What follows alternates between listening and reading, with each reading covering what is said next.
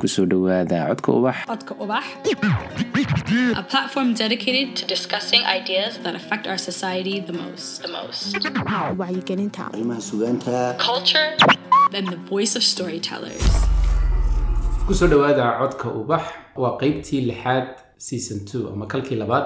Maanta waxaan la joogaa sayid axmed waa qoraa ku sugan magaalada stockholm ee dalka sweden. Bugaagta uu qoraa axmed waxay u badan yihiin taariikh afarta buugba waxay ka hadlayaan taariikho kala duwan ama sooyeelka soomaalida qeybo ka mid a maanta wada sheekaysigan aan yeelanayno waxaan kaga wada hadlaynaa ururada la idhaahdo waxay dhaliyeen xorriyadda soomaalida. Ururka ugu magaca dheer waxaa la yidhahdaa s y l. Sayid s y l waa maxay? Kolleyba waa laga yaabaa in marka hore loo kala qaybiyo somaliland iyo soomaaliya iyo xataa jabuuti oo dee iyada lafteedu xisbiyo gooniya lahayd laakiin su'aashan ah s y s runtii de magaceedu aada loo maqlo iyo s n l oo xagga somaliland ah waxay soo bilaabantay waa markii uu ingiriisku gacanta ku dhigay qeybtii soomaaliya oo ahayd runtii muddo dheer ku soo jirtay maamulkii talyaaniga.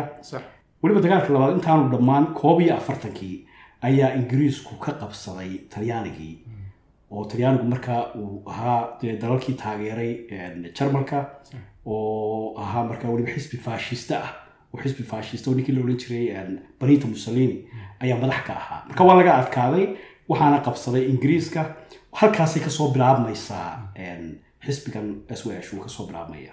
Saddex iyo afartankii waxaa samaysmay urur dhalinyaro ahaa oo marka hore kilaab ahaan waxay la baxeen somali youth club.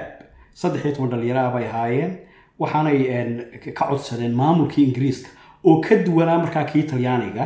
Ka talyaanigu aada iyo aada buu u dhibi jiray soomaalida oo cadaadis weyn oo dee faashista waynu garan karayna. Ayuu runtii ku hayay laakiin ingiriisku si dabacsan ayuu wuxuu u bilaabay in uu furfuro. Haddii xisbi la furanayo haddii la doodayo wax badan buu ka bedelay dabadeedna dhallinyaradaasi waxay istuseen inay u baahan yihiin kilaab. Meel ay isugu yimaadaan library baa ku oli jiray sidaan taariikhda ku hayo muqdisho. Library dhallinyaradaasi isugu iman jireen. Waxay ahaayeen weliba dadkii markaa dadka u ahaa de indho u ahaa. Kilaab markaa dad badan baa ka yar biyo diiday xitaa magaca. Oo qaar waxay yidhahdeen waa meelaha lagu tunto. Qaar waxay yidhaahdeen waxa weeyaan kilaab waaba xaggii af carabiga ka eeganoo waxa weeyaan waa ey marka waa la yar diiday. Laba sannadood ka bacdi ayuu isu bedelayaa s y l ayuu isu bedelaya oo ah kun iyo sagaal boqol iyo toddobiyo afartankii. Maxaa dhacay toddobiyo afartankii? Sababtaan ku weydiinaya waxa weeyaan dhalinyar fara badan oo waxaa jirta aan aniguba matelayo oo runtii taariikhdaasi aada uga khaldan tahay. Iminka intan dambe ee casriyadan dambena turjumaad cusub la saaraba.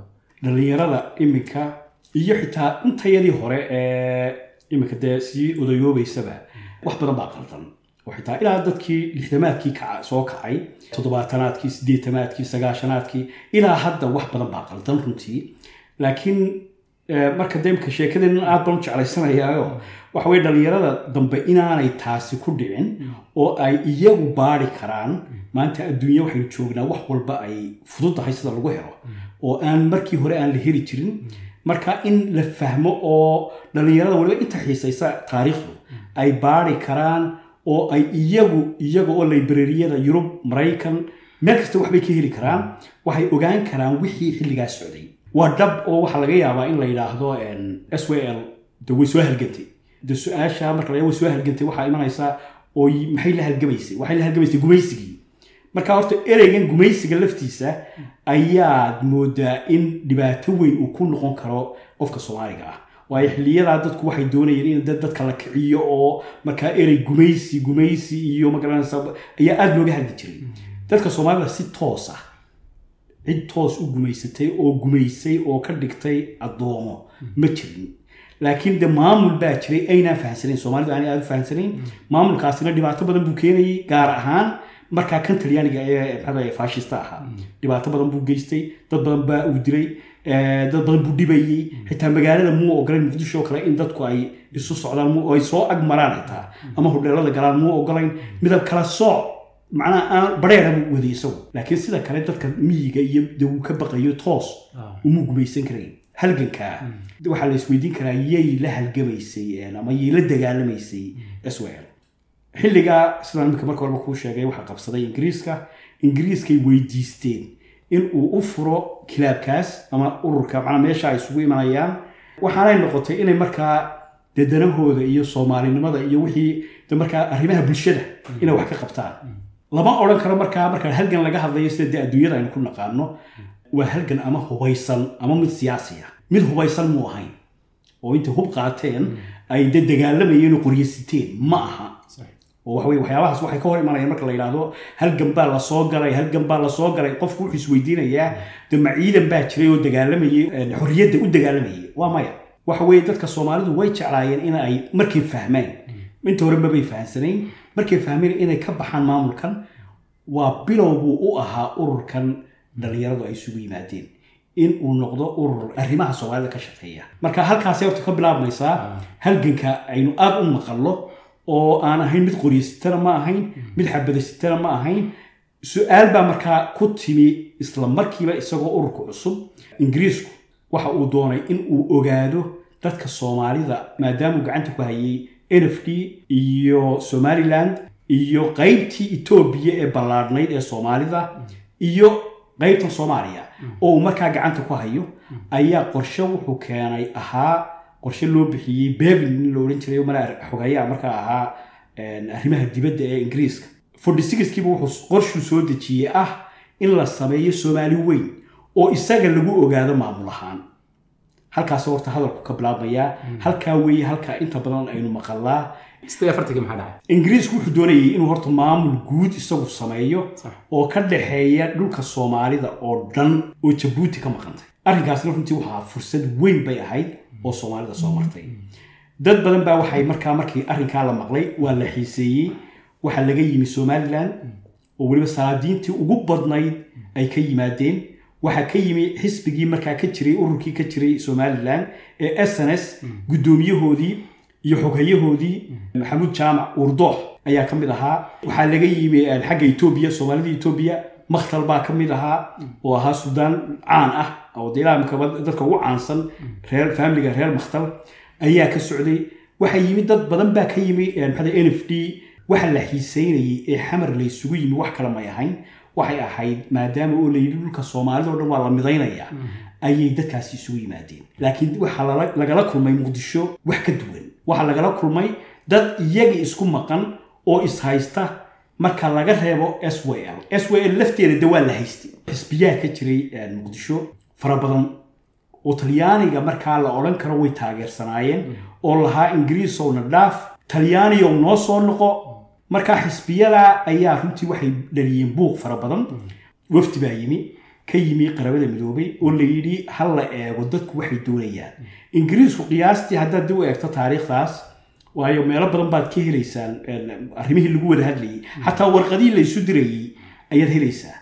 Waxa uu ingiriisku aada u filayay inay dadkaasi odhanayaan ingiriiskaanu doonaynaa.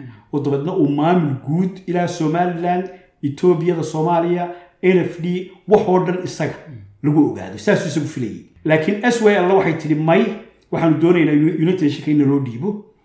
Ururadii kale oo dhammina iyaguna waxay dhahan ingiriiska ma doonayno ee talyaanigaanu doonaynaa marka dhammaan waxay ka sidmeen in aanay ingiriiska horta doonayn.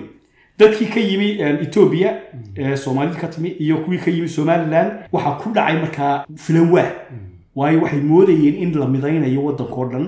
Laakiin waxay la kulmeen dad ku dhawaaqaya talyaani baanu doonaynaa. Arrinkaasa markaa runtii wuxuu dhaliyey isku dhac waana markaa marka dad badan ay ku dhinteen. Xawataaka marka dhimatay markaas waa markaa lafteeda oo iyadu waxay la socotay sida la tilmaamayo taageerayaashii s w l bay markaa iyadu la socotay. Tirada ku dhimatay ee shacbiga kaga dhimatay runtii ma hayo laakiin waxaa la sheegaa horta inta la tilmaamo xafiiskii s w oo kaloo la jajabiyey dadka markaa waxaan jajabinaya ee waxlaynaya ee layslaynaya ma aha talyaani qoryasita ma aha. Waa soomaalidii uun waxaan islaynayaa laakiin waa dad qayb u arkay iyagu fikir ahaan in talyaanigu uu u macnaa u yahay inuu soo noqdo. Dabcan marka dambena wuu soo noqon doonaa. Isagoo si kale ku soo noqday talyaanigu marka dambe wuu soo noqon doonaa oo de waa kan joogay ilaa iyo kowdii julaay. Lixdankii talyaaniga laftiisa yurub xiisad kale ka taagnayd markaasoo isaga laftiisa waa la qabsaday. Arrintaas sidee u saamaysay dhaqdhaqaaqii markaa ka socday dhulka? Waa halka arrinkani uu ka dhacayaba. Markii dagaalkii labaad uu dhammaaday waa laga adkaaday talyaanigii ingiriis iyo faransiis iyo maraykan iyo ruush ayaa ku xoog batay oo ka xoog weynaaday jarmalkii. Isagu markaa jarmalku jarmalku la socday. Markii la qabsaday xoogagii ingiriiska weliba gacanta ku dhigay talyaaniga. Dhulkii uu maamuli jiray talyaanigu may badnayn marka horeba may badnayn sida faransiiska iyo ingiriiska umay badnayn. Eritrea iyo libiya iyo soomaaliya oo keliya bay ahaayeen saddexdiina waa laga qaaday. Maamul baa loo sameeyey talyaanigii maamul taabacsan qoladaa markaa adkaatay afartii adkaaday ay iyagu dee ay maamulayaan. Marka wuxuu ka codsaday isla markiiba in dhulkii uu haysan jiray loo soo celiyo. Doodu halkaasi ka dhalatay. Xaggan muqdisho kalena markaa waxa uu joogay shacbi badan baa joogay. Dad badan oo ciidankii oo dee laga qaaday hubkii laga qaaday baa joogay. Dad mutacalimiin oo fara badan oo talyaaniyo meesha kuba dhashay hadday doonaan ayaa joogay. Markaa way ku adkayn inay mar keliya ka tagaan. Sababtaasay u soo dhex galeen. Waxaanay marka damba samaynayaan s y l ayay dib uga dhex toosayaan. Oo waxay ka dhex samaysanayaan dad taageersan maamulkii talyaaniga. Oo halkii marka hore ay lahayd s w l talyaanigu hana dhaafo waxay noqonaysaa inay iyaga laftooda ogolaadaan in talyaanigu joogo.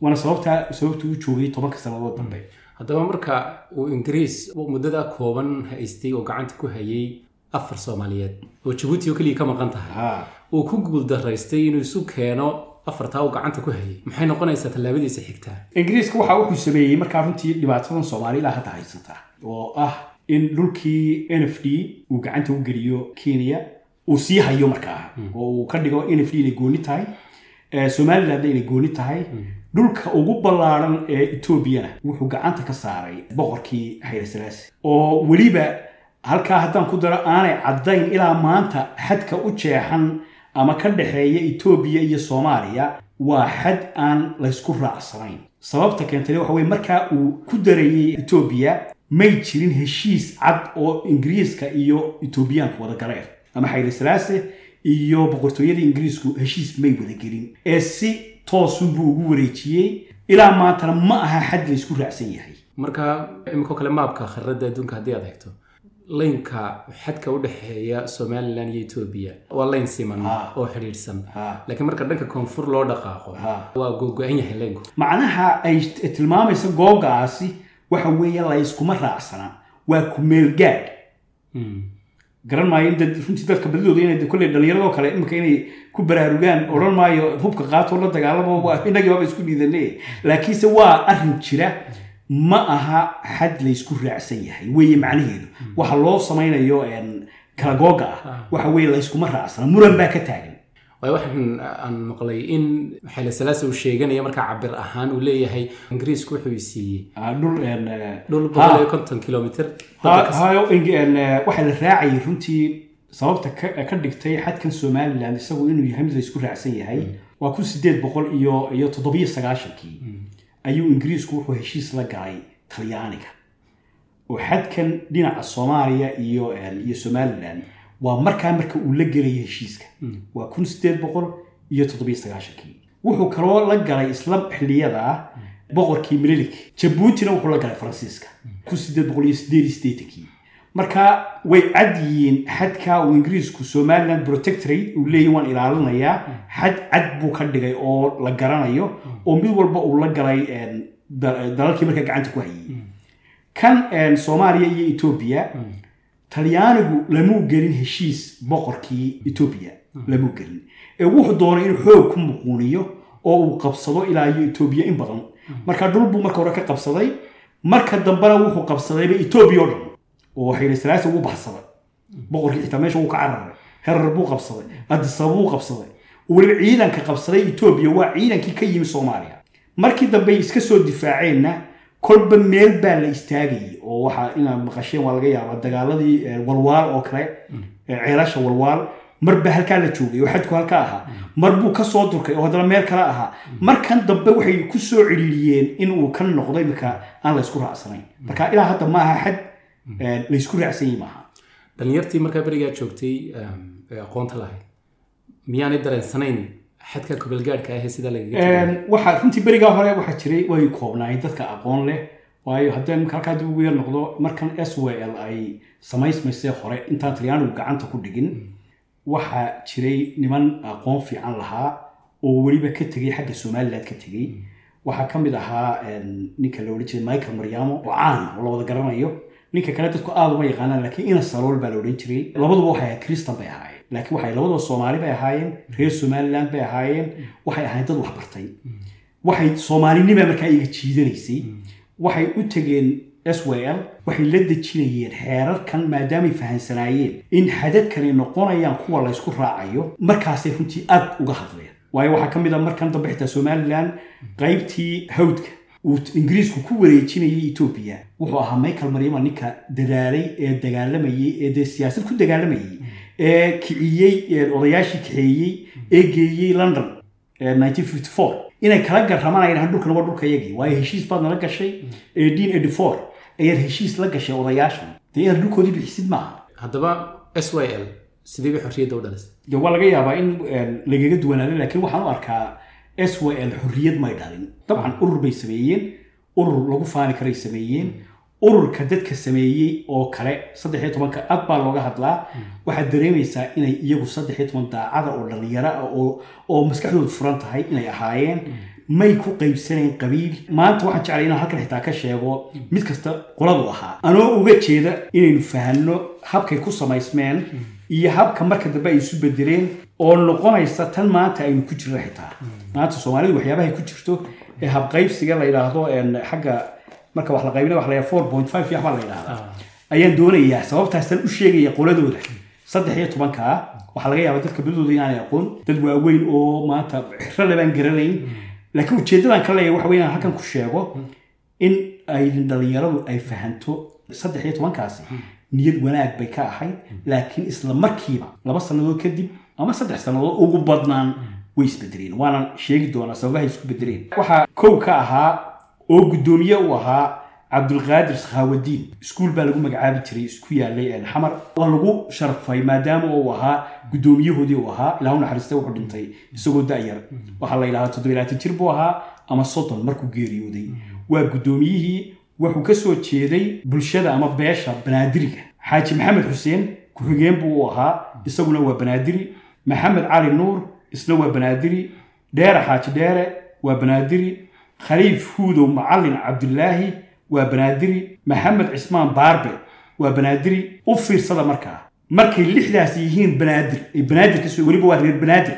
Ma aha soomaalidii geljira ahayd ma aha. Waa reer banaadir waa reer xamar. Maanta iyo lixdamaadkii kadib awood kumay lahayn dadka dhulka soomaalida. Laakiin saddex iyo tobankan waxay ku tusaysaa inay ahaayeen dadkii dhaqaalaha haystay dadkii ilbaxnimada markaa ilbaxnimo lahaa dadkii aqoon intay doontaba ha gaadhsiisnaatee lahaabay ahaayeen. Lixdaas waxay ahaayeen reer banaadir. Yaasiin xaaji cismaan oo noqday xoghayaha. Yaasiin xaaji cismaan sharmaarke waxa uu ahaa majeerteen daahir xaaji cismaan cali xasan maslax banduura ayaa lagu naanaysi jiray. Maxamed xirsi nuur afartaasna waxay ahaayeen majeerteen bay ahaayeen. Marka waxaan sidaa u leeyay macnaha tira la qaybqaybsanayay meesha ma jirin waa markan dambe loo abtirinayo ayaa la arkayaa inay intan isku reer ahaayeen laakiin waa dhalinyaro isgaranayay oo isu yimi bay iyagu ahaayeen cismaan geedi raage oo isna iskuul caana la odhan jiray cismaan geedi raage lagu sharfay la odhan jiray xamar iyo maxamed faarax hilowle waxay ahaayeen abgaal. Maxamed cabdulaahi xayaysi wuxuu ahaa isaaq habar awal. Waxaa laga yaaba dad badan inaanay garanaynba. Marka iyagu maxay isugu yimaadeen? In ay baahi jirto soomaalidu ay u baahan tahay dad hormood ah oo arrimaha bulshada ka shaqeeya. Maadaama ingiriiska maamulkiisu ilaa jigjiga gaadhsiisnaana waxay ku fikirayeen oo ku hamiyayeen ilaa jigjiga ilaa iyo n f d ilaa dhan walba ilaa iyo bari iyo boosaaso inay ka sameeyaan xafiisyo danaha soomaalida ka shaqeeya. Ugu dambayntana ay noqdaan maamul weyn oo soomaalidu leedahay. Ujeeddadu saasay ahayd. Laakiin laba sannadood kadib toddobiyo afartankii ilaah u naxariistay horta baa geeriyooday kadib xaaji maxamed xuseen oo reer banaadir ah ayaa noqday guddoomiyihii isbeddel baa yimi baaritaanku halkaasu ku jiraa waayo waxaa yimi isla markaa qaybqaybsi iyo qolo iyo waxbaa markaa meeshii soo galay. Xaaji maxamed xuseen wuu ka baxay. Dheere xaaji dheere wuu ka baxay. Rag fara badan baa xilligaa ka baxay. Isbeddel baana ku dhacay markaa s w l waana marka dambe ee talyaanigu uu gacanta ku dhigayo ama aan odhan karo bro talyaani ayay markii dambe iska ahaayeen waayo markaasay ahayd in laga dagaalamo oo waayo xornimadii waabay haystaane. Inay markaa ka dagaalamaan oo talyaaniga la yidhahdo ma soo noqonayo ayay ahayd. Laakiinse talyaanigu wuu soo noqday. Xataa waxay ku tusaysaa talyaanigu waxyaabuhu markii dambe fulinayey waxaa la dilay ninkii masar wakiilka uga ahaa ayaa xamar dhexdeeda lagu dilay. Ay soomaalidu dishay waxay isu bedeshay s w l wax is haysta. Tan maanta taagan oo kale ayaan odhan karaa. Laakiin waa laga yaabaa dad badan marka dee duuduubka lagu ammaanayo waxaa laga dhigaa uun inay weligeedba wanaagsanayd ma qabaan isbedeladu halkaasay ka yimaadeen waxaana aan ku sii weliba caddaynayaa xaaji maxamed xuseen oo kale oo ahaa guddoomiye ku-xigeenkii markii hore. Markii dambena guddoomiyaha noqday wuu ka tegey wuu ka baxsaday xamar wuxuu tegey masar idaacaddii sawtul carab ee af soomaaliga ku hadli jirtay ee afar iyo kontonkii la aasaasay ayuu ka soo hadli jiray. Wuxuu halkaa ka soo eedeyn jiray s w l iyo iyo siday u dhaqmayso ayuu ka soo sheegi jiray. Talyaanigii inay u gacan gashay. Ugu dambayntii waxaa lagu qanciyey inuu soo noqdo waayo wuxuu runtii markaa isaga laftiisu xisbi shuuciya oo aada u xoog badnaa oo masar joogay oo dee uu haystayba masar. Ninkii la jiray jamaal cabdinaasir ayay ku xidhmeen. Isaga iyo nin kaleo isna lug weyn ku yeeshay siyaasadda somalilan oo la odhan jiray sayid axmed sheekh muuse oo sameeyey xisbigii la odhan jiray xisbullah ayay saaxiibeen oo waxay ka hadli jireen idaacadda sawtul carab waa idaacadda markay meel walba gaadhay ingiriiskuna uu kaga hortegay b b c da inuu sameeyo toddobiyo kontonkii. Si uu uga hortago isagu de markaa wuxuu arkaya brobaganda weyn inay kaga socoto masar. Oo markaa aan ogolayn masaarida markaa jamaal cabdinaasir reer galbeedku la dagaalamayay ninka maxaa ahaa guddoomiyaha s w l waxay noqotay inuu halkaa ka soo jabhadeeyo marka jabhadeynta uu soo jabhadeynayay iyo cidima sheegto. Oo ugu dambaynta gii xaaji maxamed xuseen wuxuu hogaaminayay xisbi la baxay great somalia. Oo lahaa soomaali weyn baan samaynaya ayuu sigistigii guddoomiye u ahaa. Kowdii july wuxuu hogaaminayay xisbiga. Xisbiyo kale oo uu ka mid yahay xisbigii digli marifla ka mid ahaa waxay ku dagaalamayeen meeshii lagu shirayay horteeda. Waa kowdii july. Marka muranada waxaan odhan karaa talyaaniga oo dee awood badan lahaa ayaa waxa uu gacanta ku dhigay xisbigii aswel. Marka marka leeyahay aswel way halgamaysay. De waynu isweydiin karaa halkaa waa la baari karaa. Xornimada ay dhalisay waa teeye ma lagu dhawaaqay in la siiyo kowdii july baa mise xornimo kaloo ay dagaalamaysay baa jira keliya waxaynu odhan karaa waxay aada isu leynayeen soomaalidii kale ka soo horjeeday ee xisbiyada kale ahayd waa xisbiye kalaa jiray oo ay in badan murmayeen waayo xisbiga matelayay raxanweyn guud ahaan reer baydhabo iyo eriyadaasoo dhan maaha baydhabo keliya waa dhul dhan xisbiga matelayay swel kumuu jirin swel lamuu taageersanayn soobaa ka mid ahaa oo nin caana ahaayo siyaasi caana ahaa sooba wuxuu ka mid ahaa xisbigaasu ka mid ahaa marka hore swel buu ku jiray lakiin wuu ka baxay marka waxyaabahaas waxay u baahan yihiin iyada oo si daacadoo degan loo baarayo layskana ilaalinayo wax kutirkuteera adigu maxaad tix raacaysaa waxaan runtii waxaan tii raacayaa buugag fara badan artikalo uu qoray ninka la yidhaahdo cabdiqaadir cali boolaay oo reer banaadir ah dhowaan buu dhintay ilahay u naxariistee waayo waxaa jiray xisbi la barbar ahaa oo isagu gaar u ahaa reer xamarka oo la odhan jiray maxaa xamar youth club ayaa jiray oo isna samaysmay xilliyada. Ah xagganna iyagaa u badnaa xagganna xisbiganna gaar baaba u ahaa reer banaadirka. Marka ninkaasoo kale oo qoraallo badan sameeyey farshaxan fu-aad nin la yidhaahdo oo isna runtii aad buu uga qoray. Waxaa kaloo la qoray buugag runtii de midba aad meel ka soo qaadan karto. Waxaa jira ninkii la ohan jiray liiq liqato ilahay u naxariisto buug isna qoray la yidhaahdo dalkii filka weynaa oo ay ku qoran yihiin weliba warqadihii laysu dirayey xaaji maxamed xuseen oo kale markii loo yeeday ee layii dib u soo noqo aadarcadoo kale uu u qorayo warqado uu leeyay waxa tahay gudoomiye ayaan weli ku aqoonsanay inaad anigu adigu noo tahay gudoomiye ee soo noqo. Qoraallo badan buu runtii oo muhiim u geliyey buugga. Buugag fara badan baa jira. Laakiin buugagga in lagu qaldamo ma aha waa in laga taxadiraa oo markaad baarayso meelo badan waxaa ku jira uun wax aan odhan karo faan iyo buunbuunin marka buunbuunintu hadhow way kaa hor imanaysaa dadka soomaalida waxay ahayd dad geerjira ah cidi umay talin karayn cidi may gumaysan karayn. Laakiin maamul aanay fahamsanayn baa gacanta ku hayay. Maamulka markay fahmeenna waarna dhaaf bay kuda ku yidhahdeen wax kale may odhan laakiin jabhadna may soo samaysan sida algeriana toban milyan kagama dhiman oo hadda maanta tiraa imisaa ku dhintay cid ku sharci karaysa ma jirto marka halganku nooc gooniyuu ahaa oo ingiriisku ogolaa waa swel marka laga hadlayo wax laysla ogolaabay ahayd baan odhan karaa iyaguna aqoontoodii iyo itaalkoodii de runtii dadaalayay rabayna inay markaa sidaa ah.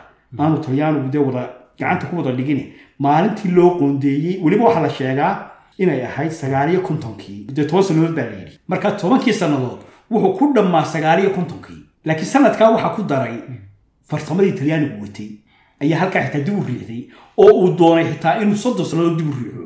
Marka waxyaabahaasoo kale dabcan way ka dadaalayeen oo de may doonayn in sidaa gacanta loogu dhigo.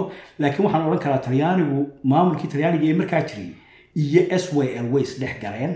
Waxbarasho badan buu u diray rag fara badan buu soo tababaray. S l ismay diidanayn talyaaniga.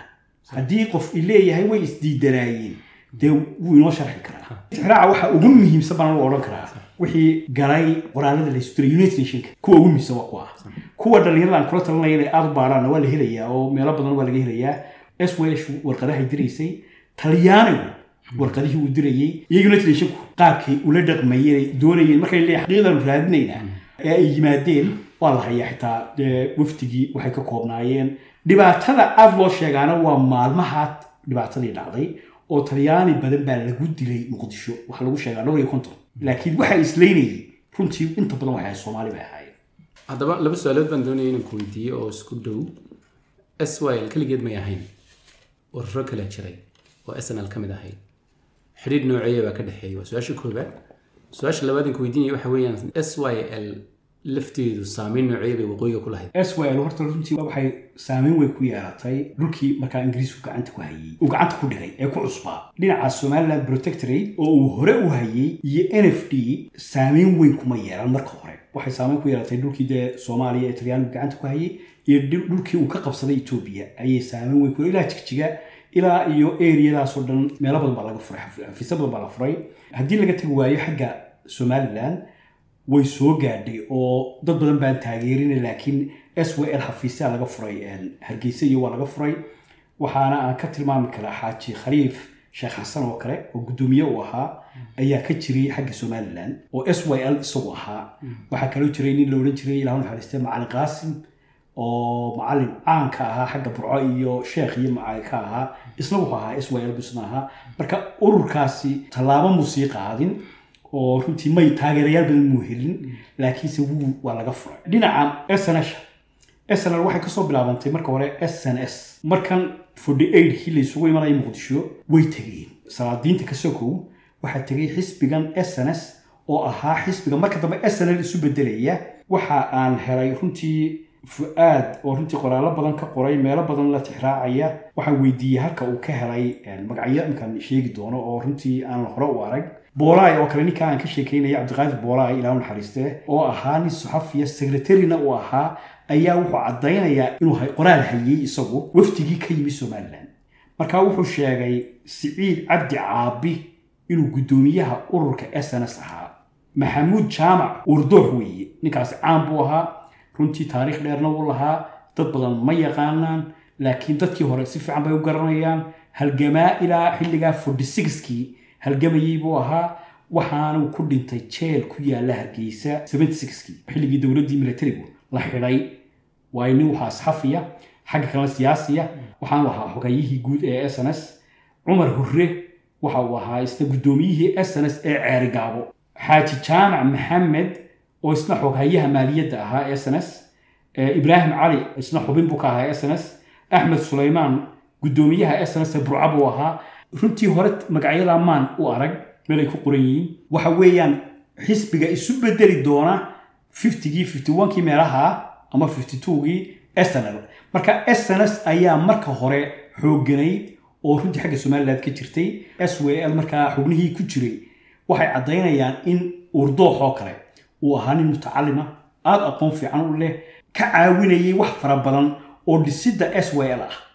Waayo arrimaha dadka hore meelo ay ugu qoran yihiin ma arag laakiin imka dad badan baa caddaynaya inuu markuu u yimi uu muddo la joogay xitaa malaha sanad ku dhodhow oo uu arrimaha dhismaha xisbiga s w l uu kala shaqaynayay.